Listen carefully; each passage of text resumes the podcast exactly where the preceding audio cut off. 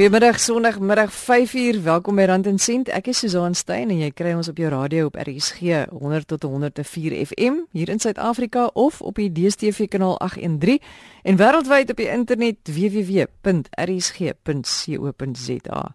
So die laaste 2-3 maande was daar groot koerantopskrifte oor mediese fondspremies wat geweldig gaan styg. Uh daar's gesê mediese fondse is besig om nou strop te trek. Hulle toon groot verliese dat lede die afgelope jaar tot 13% meer uit hulle eie sakke moes opdok. Verlede week het ons nou gekyk na mediese fondse en presies hoe dit werk en wat die voordele is wat jy daaruit kry of nie kry nie. Nou wil ons weet, hoekom Ja, wat is die rede hoekom daar so 'n geweldige premieverhoging is in die mediese fondse en hoekom loop hulle teen verliese? Dan gaan ons ook kyk na lewensversekering. Ek kry so baie luisteraars wat sê, "Moet ek lewensversekering uitneem? Wanneer moet ek dit uitneem? Hoeveel is genoeg?" Ons gaan daarna kyk. Maar ons begin met StockTwits. Dit is 'n nuwe platform waar inligting gegee word oor die sentimente in die aandelemark. In hierdie stadium is dit net in Amerika beskikbaar of dit is beskikbaar vir Amerikaanse maatskappye vir die Amerikaanse beurs. Ook sprake dat dit gaan uitbrei na Kanada, Engeland, nou ook Duitsland. Maar om meer hieroor uit te vind, het ek vroeër met Andrei P Du Plessis gepraat. Hy's 'n sakejoernalis en 'n Suid-Afrikaner wat by die Turkse televisiediens TRT World werk. Ehm um, en ek wil by hom weet presies wat is StockTwits?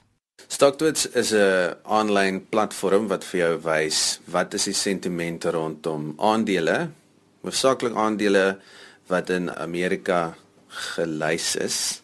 Ja, 'n platform soortgelyk aan Twitter waar mense praat oor verskillende maatskappye en hoe dit sentiment beïnvloed want natuurlik in finansiële markte sentiment maar die groot ding wat uh bepaal wat die prys van aandele is reg oor die wêreld. So wat vervang dit? Wat het ons gehad sien nou maar 15 jaar gelede om vir mense daai inligting te gee wat StockTwits nou vervang? So voorheen was hierdie tipe tegnologie wat hulle aanbied uh, en is absoluut gratis vir enigiemand wat dit kan gebruik was meeste van daai inligting vasgevang op groot internasionale platforms wat verkoop is uh, deur groot maatskappye byvoorbeeld seker die beste uh, of die bekendste platform is Bloomberg wat 'n uh, program het wat hulle noem die Bloomberg Professional Service. Mense betaal tipies 20000 dollar 'n maand om hierdie diens te huur en dan het jy 'n groot rekenaar in jou kantoor wat vir jou sê uh so lyk like die aandele vandag. Dis die sentiment rondom sinema Apple omdat die nuwe iPhone nou uitgekom het dink beleggers dat dit 'n goeie foon is en daarom is die prys van Apple se aandele hoër vandag as wat dit gister was. So dit was tipies 'n mark wat vir 'n baie klein groep mense met hoë inkomste toegang kon kry of jy weet vir sentrale banke, finansiële instellings. So wat hierdie mense gedoen het is hoofsaaklik omdat daar so groot groep jong mense is of millennials wat belangstel daarin om met aandele te speel, het hulle gesê, "Welkom, ons bou ons eie platform." Hulle het gekyk na iets soos Twitter en hulle uh, is baie geïnspireerd daardeur en hulle het gesê, "Maar as ons net ons eie vriende kan kry om op te gaan en dat hulle hulle eie opinie kan deel van markte en dit met mekaar kan deel, kan ons beter voorspellings maak van waarheen aandele gaan. So dit is basies wat dit is. Kan enige iemand dit gebruik? Ja. Al wat jy moet doen is jy net hierdie um app of hierdie toep aflaai op jou foon. Dit is Stock Twits, so S T O C K T W I T S. So die Twit deel kom obviously van Twitter af. En hulle het iets begin wat jy nou ook to toegang het op Twitter. Dit is die die dollar simbool. So net soos wat jy byvoorbeeld die hitsmerk het op Twitter, as jy die dollar simbool vooraan enige aandeelnaam, net maar AAPL wat die uh aandelesyfer is vir Apple, as jy dit byvoorbeeld soek op Twitter, kan jy nou al die nuus kry oor wat die aandele van Apple doen. Maar wat jy nie kry op Twitter nie is om te sien wat die sentiment is daaromtrent. Is mense bullish of is hulle bearish? Uh, voorsien hulle dat die uh dat die aandele gaan groei of gaan val? En as jy al hierdie goed bymekaar sit op hierdie een platform, StockTwits, kry jy baie beter aanduiding van waarheen die die die uh aandele op pad is. Daar's ook verskillende grafika. Jy kan byvoorbeeld stock pick oefening doen op op hierdie app, so jy kan byvoorbeeld sien jou portefeulje van aandele waarvan jy hou, wat is die sentiment rondom dit? Jy kan sien hoe dit hoe dit histories gevaar het en wat jy ook kan doen op hierdie platform is jy kan aandele koop via 'n ander app by naam uh, uh Robinhood. Nou daarvoor het jy ongelukkige 'n rekening nodig by 'n Amerikaanse finansiële instelling. Hoewel StockTwits is nog steeds verniet en jy kan nog steeds sien hoe aandele daar vaar en jy kan op 'n ander platform aandele koop en verkoop, kan jy via Robinhood binne in StockTwits onmiddellik vir jou aandele koop en verkoop en dit is absoluut verniet. So jy betaal nie enigiets ekstra soos wat jy gewoonlik sou doen op ander platforms nie. Maar hoe verdien hulle hulle geld? Op hierdie oomblik is dit maar soos ehm um, soos meeste ander sosiale netwerke of startups waar die enigste manier wat hulle geld maak sien maar soos voordat Facebook begin advertensies plaas het of of selfs Twitter, hulle maak geld uit ander beleggers, tegnologiebeleggers wat glo hierdie maatskappy gaan eendag die ding wees wat almal gebruik reg oor die wêreld en ehm um, natuurlik dis hulle het, is maar net 'n paar jaar oud. Hulle het natuurlik nie die hoeveelheid intekenare wat 'n diens soos Bloomberg se professional service het nie en hulle vra nie 'n fooi nie. Maar hulle het al reeds oor 'n miljoen gebruikers. En ek dink soos wat hulle hulle hulle het sekere doelwitte vir hulle self uitgesit van as hulle 'n sekere hoeveelheid mense op hierdie platform het en as dit meer internasionaal uh, gebruik word want op die oomblik is 80% van die van hulle gebruikers sit in Amerika en is maar hoofsaaklik gebonde aan die aandelemark in New York sal hulle begin voetjies vra. Maar uiteindelik wil hulle hulle wil die transaksies wat op hulle platform plaasvind wil hulle verniet hou. En dit is die eh, Suid-Afrikaner. Hy is 'n sakejoernalis by die Turkse televisiediens TRT World en dit is Andrei Pierre Du Plessis. Nou ek wil baie graag hê julle wat in die aandele wêreld werk of wat uh, baie daarmee te doen het, laat my asseblief weet, het ons iets soortgelyk in Suid-Afrika of is daar mense wat besig is om iets soortgelyk in Suid-Afrika te ontwikkel? En dit klink vir my na die antwoord uh van die toekoms as jy belangstel om meer te weet van aandele. Jy luister na Rand en Sent hier op RSG. Ek is Susan Stein. Ons kyk na geld sake en hoe ons as verbruikers uh, beter met ons geld kan omgaan en uh ja, uiteindelik meer geld kan spaar en ons geld beter kan gebruik. Nou, ek het vroeër gesê ons het verlede week gepraat oor mediese fondse en presies wat dit is en nou gaan ons kyk na mediese fondse. Hoekom is die premies so ontsettend hoog? Hoekom voel dit vir my so asof ons net al hoe meer en meer moet betaal? Jy moet nou meer uit jou eie sak uit betaal. Jy moet meer en meer premies betaal is daar 'n antwoord hiervoor. Neil Fourie is 'n aktuaris vir openbare beleid by die Aktuariële Genootskap van Suid-Afrika en hy is weer by my in die ateljee en Neil, beantwoord asseblief vir ons hierdie vraag. Hoekom moet ons so baie opdok vir ons mediese fondse? As mens gaan kyk na mediese fonds inflasie, is daar basies twee komponente. Die een is 'n pryskomponent inflasie, gestel pille raak duurder en dokterstariewe gaan op. Maar dan is daar ook 'n uh, tweede komponent wat hulle in Engels utilization noem, wat basies is meer verbruik.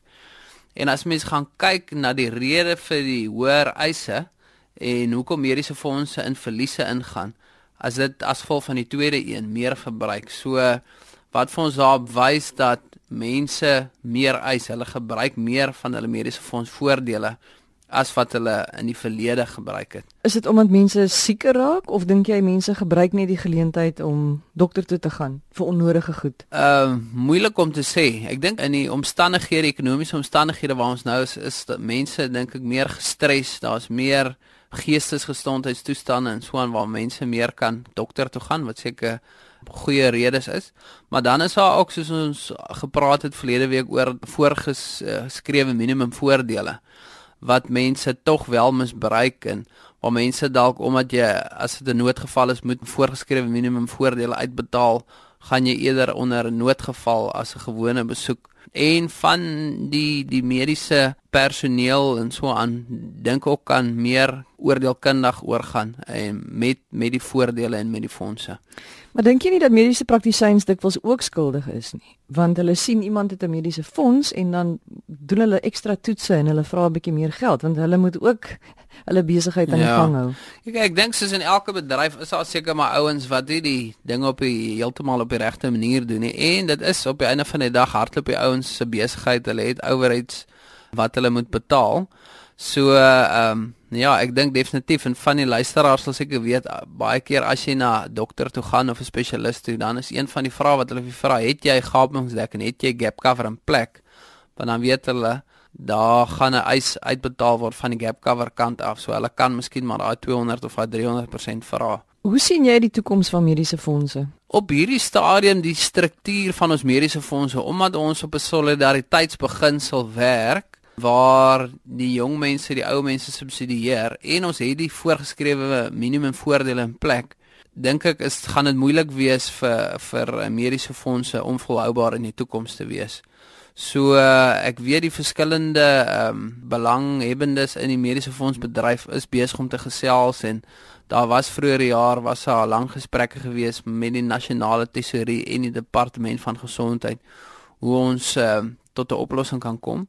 En dan het ons ook mos ehm um, weet nie wat dit in Afrikaans is die NHI die National Health wat ook op pad is. So ons moet nou kyk hoe gaan dit werk en hoe gaan dit saam met mediese fondse werk.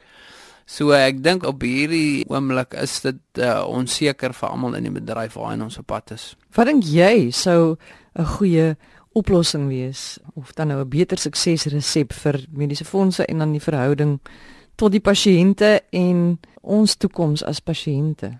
So, as ek daai antwoord uh, gehad het, dan um, sou ek seker baie geld gemaak het. Soos ek ook al van tevore gesê het, ek dink die beste is elke ou moet maar verantwoordelikheid vat vir sy eie gesondheid.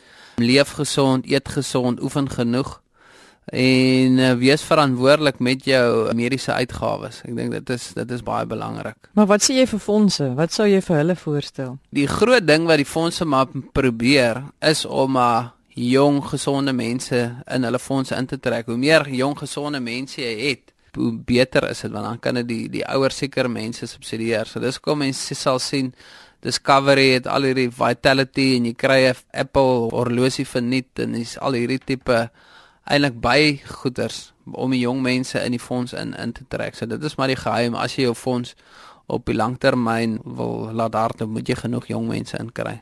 Ons leef ook in 'n era waar mense vinniger 'n dokter hof toe sal sleep van nalatigheid. Is dit 'n indirekte rede hoekom mediese fooie ook opgaan? Net om 'n voorbeeld te gebruik, ginekolose professionele aanspreeklikheidsversekering dra nou al hier by die 600 700 000 rand per jaar. So daai kostes moet hy op 'n manier opmaak om net aan die lewe te kan bly. So dit is ook een van die redes en dit verskil net maar van spesialiteit tot spesialiteit maar vir uh, dokters om te te praktiseer raak dit ook moeiliker dit raak duurder en ook ons dokters is gesog oor die hele wêreld so uh, of dit nou in Kanada of in die Verenigde Koninkryke is as dit vir die dokters te moeilik raak in Suid-Afrika om te praktiseer dan is daar ook ander plekke vir die ouens om heen te gaan. So hierdie fooie van dokters wat opgaan, het dit 'n invloed op die op die fonds. Dit moet hê, want veronderstel nou 'n ginekoloog om daai ekstra koste te absorbeer en nog steeds eh, 'n uh, profit te maak, moet hy daai koste maar deurgee aan die verbruiker op die einde van die dag en die verbruiker moet daai koste deurgee aan die fonds. Was daar spesifiek baie meer eise gewees in 2016 as byvoorbeeld in 2015 en 2014? Dit is soos wat die data vir ons lyk like, ja, dat ehm um, daar meer eise was. So die kostekomponent, die koste van byvoorbeeld om 'n dokter te gaan sien, het nie soveel opgegaan nie, maar meer mense het meer kere na dokters toe gegaan. So mense het meer ware vir geld, kan mense sê uit hulle planne uitgekry want hulle het meer dokter toe gegaan. Hulle was meer in die hospitaal, nie noodwendig dat dokters of hospitale leier geraak het nie. En weet ons al wat die rede daarvoor is? Ons weet nog nie regtig wat die rede daarvoor is nie en ehm um, van die aktuare is besig om studies te doen. Is dit dalk gekoppel aan die ekonomiese uh, klimaat? Want wat ons sien in ander versekeringsvelde, gestel nou 'n korttermynversekering as dit 'n moeilike ekonomiese tyd is, is mense geneig om meer te eis by korttermynversekering omdat hulle kan dalk bietjie skelm wees om my ekstra geld hier of daar nou sê iets is gesteel wat nie regtig gesteel is nie omdat dit nou maar die ekonomie druk.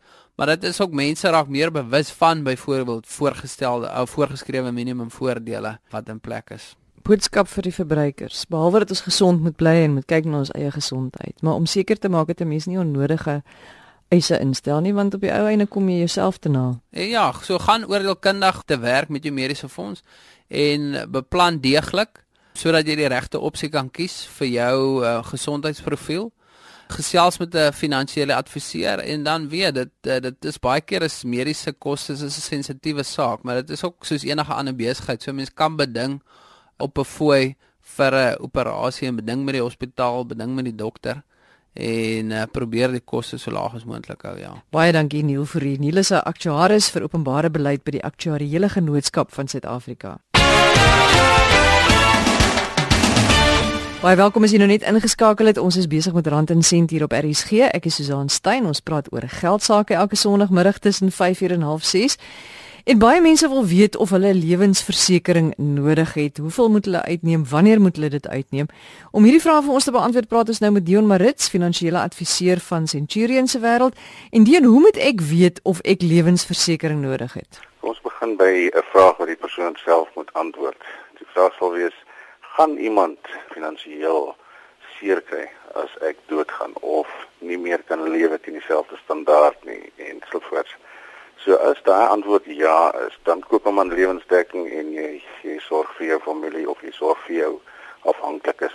Dion goed so 'n voorbeeld. Wie is mense wat dan lewensversekering sal uitneem? 'n Persoon wat getroud is, 'n vrou wat minder verdien as hy en dan effektief help hy haar om op dieselfde standaard te leef as wat hulle saam geleef het. Hy kyk na sy kinders, wat gaan dit kos om hulle deur universiteit te sit, skool te sit.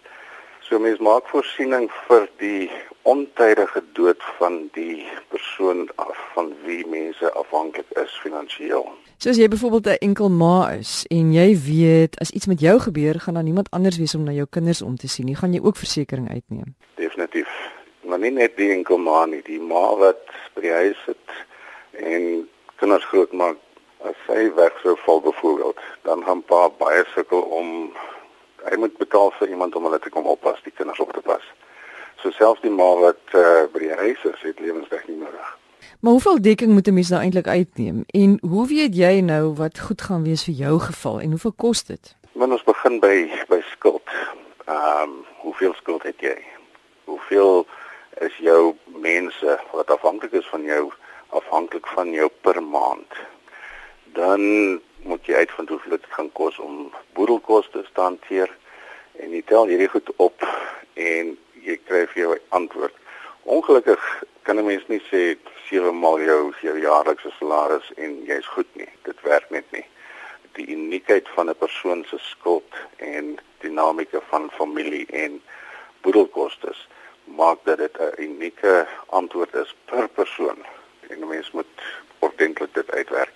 OK, nou het jy jou dekking uitgeneem, maar nou vergeet 'n mens mos nou half daar's iets soos inflasie, daar's stygende lewenskoste. So jy moet half gereeld na hierdie polis kyk en kyk of hy nog relevant is. Hoe doen 'n mens dit? Daar is 'n voordeel wat mense kan bysit wat outomatiese verhoging van premie veroorsaak jaarliks. En met daai verhoging word daar ekstra lewensdekking gekoop om die inflasie in te perk. 'n Miljoen rand in vandag se waarde is definitief nie 'n miljoen rand se waarde in 15 jaar nie. Ons sien dit baie in die bedryf dat mense vergeet het van dit en dan kry hulle swaar. Ek gaan nou nie name kan noem nie, maar in die ouer garde het hulle polisse gekoop wat uh, in daai dae vir hulle 5 pond of 50 pond sou teruggee. En hulle het hulle het baie min betaal vir dit. So hulle het nie gewerk aan hierdie polisse intussen nie en 50 pond daai tyd koop definitief nie meer dieselfde as wat hy vandag koop nie of kan koop nie. Mens sit met ou mense meestal wat produkte gekoop het en gesê nou se reg en gesê goed ek het nie meer nodig om verder aan hierdie probleem te werk nie. Mens moet jaarliks na hierdie hierdie ding kyk om te sien wat het gebeur in my lewe en dan doen jy veranderinge aan jou aan jou portefeulje so. Word lewensdekking altyd as 'n enkel bedrag uitbetaal of kan dit ook per maand uitbetaal word? Dit kan per maand uitbetaal word. Hier's 'n paar maatskappye wat vir ons uh, wat hulle 'n doodinkomste noem aanbied vir die beplanning van wat se boedelbelasting ensovoorts ensovoorts daar is is 'n lomsom makliker maar in Suid-Afrika gebeur dit dat die gemiddelde aflos van 'n boedel 9 maande is. So in daai 9 maande sit die langslewende en as daar inkomste is van haar van hom of haarself dan lewe hulle net daarop. So die helfte of die meer as helfte van die huisinkomste is weg vir daai periode. En dis waar hierdie doodsinkomste nou besonder goed werk. Daar is 'n maatskappy wat uh, vir ons hierdie ding gee hierdie doodsinkomste, maar wat hulle doen is hulle gee vir jou 'n 2 jaar voordeel of 'n uh, vollewe voordeel. Nou vir die aanwending van om mense te beskerm teen sit en krepeer terwyl die boedel afgelos word, werk hierdie doodsinkomste baie baie goed. Dion, daar is 'n polis wat 'n mens kan uitneem wat lewensdekking en ongeskiktheid in een is. Maar ons het al baie op rand en sent gepraat en gesê mens moet eintlik eerder hierdie twee apart hou. Ja, jy hou dit apart vir een rede. Die beplanningfase van boedelbelasting en boedel gaan gepaard met jy moet verseker weet hoeveel lewensdekking gaan uitbetaal. Wanneer jy 'n kombinasieproduk het, dan versnel die ongeskiktheidsuitbetaling jou lewensdekking na jou toe. So dit dit gebeur dan jy sit met lewensdekking en iewers skielik het jy helfte van die lewensdekking nie meer nie. Ek verstaan nie lekker nie, kan jy dit 'n bietjie verduidelik asseblief? Wanneer mense 'n goedkoper produk soek, dan word daar vir hulle gegee lewensdekking. Kom ons kom ons praat syfers, 'n miljoen rand. En hulle sê 500 000 ongeskiktheidsdekking. Nou word die persoon ongeskik verklaar en 500 000 betaal uit en 500 000 van die lewensdekking bly oor want die ongeskiktheidsdekking het die lewensdekking versnel. Ek maak dit reg deur die versnellingsdefinisie af te haal en te sê hierdie ongeskiktheid moet alleenstaande wees. Dit kan nog steeds op een polis wees, maar dit moet per definisie alleenstaande ongeskiktheidsdekking wees. As so 'n groot bedrag soos 'n lewensdekking bedrag nou uitbetaal word, betaal 'n mens belasting daarop? Nee, afhangend van wat hy betaal. Lewensdekking? Nee, daar's nie belasting betaalbaar nie. Daar is wel 'n geagte bate in die boedel as die uitbetaling vir iemand anders as vroulief of manlief is. Dit behels as 'n inkomste klousule 4Q wat sê as man of vrou erf vanuit 'n boedel of vanuit 'n polis dan is daar nie boedelbelasting betaalbaar nie. As die persoon dit die die gelde begunstig aan 'n ander persoon, 'n seun, 'n dogter, dan val 4Q weg. Dan tree 'n ander wet in wat sê jy mag 3.5 miljoen per persoon begunstig uit jou boerdery of nie per persoon nie. Jy as persoon mag 3.5 totaal begunstig.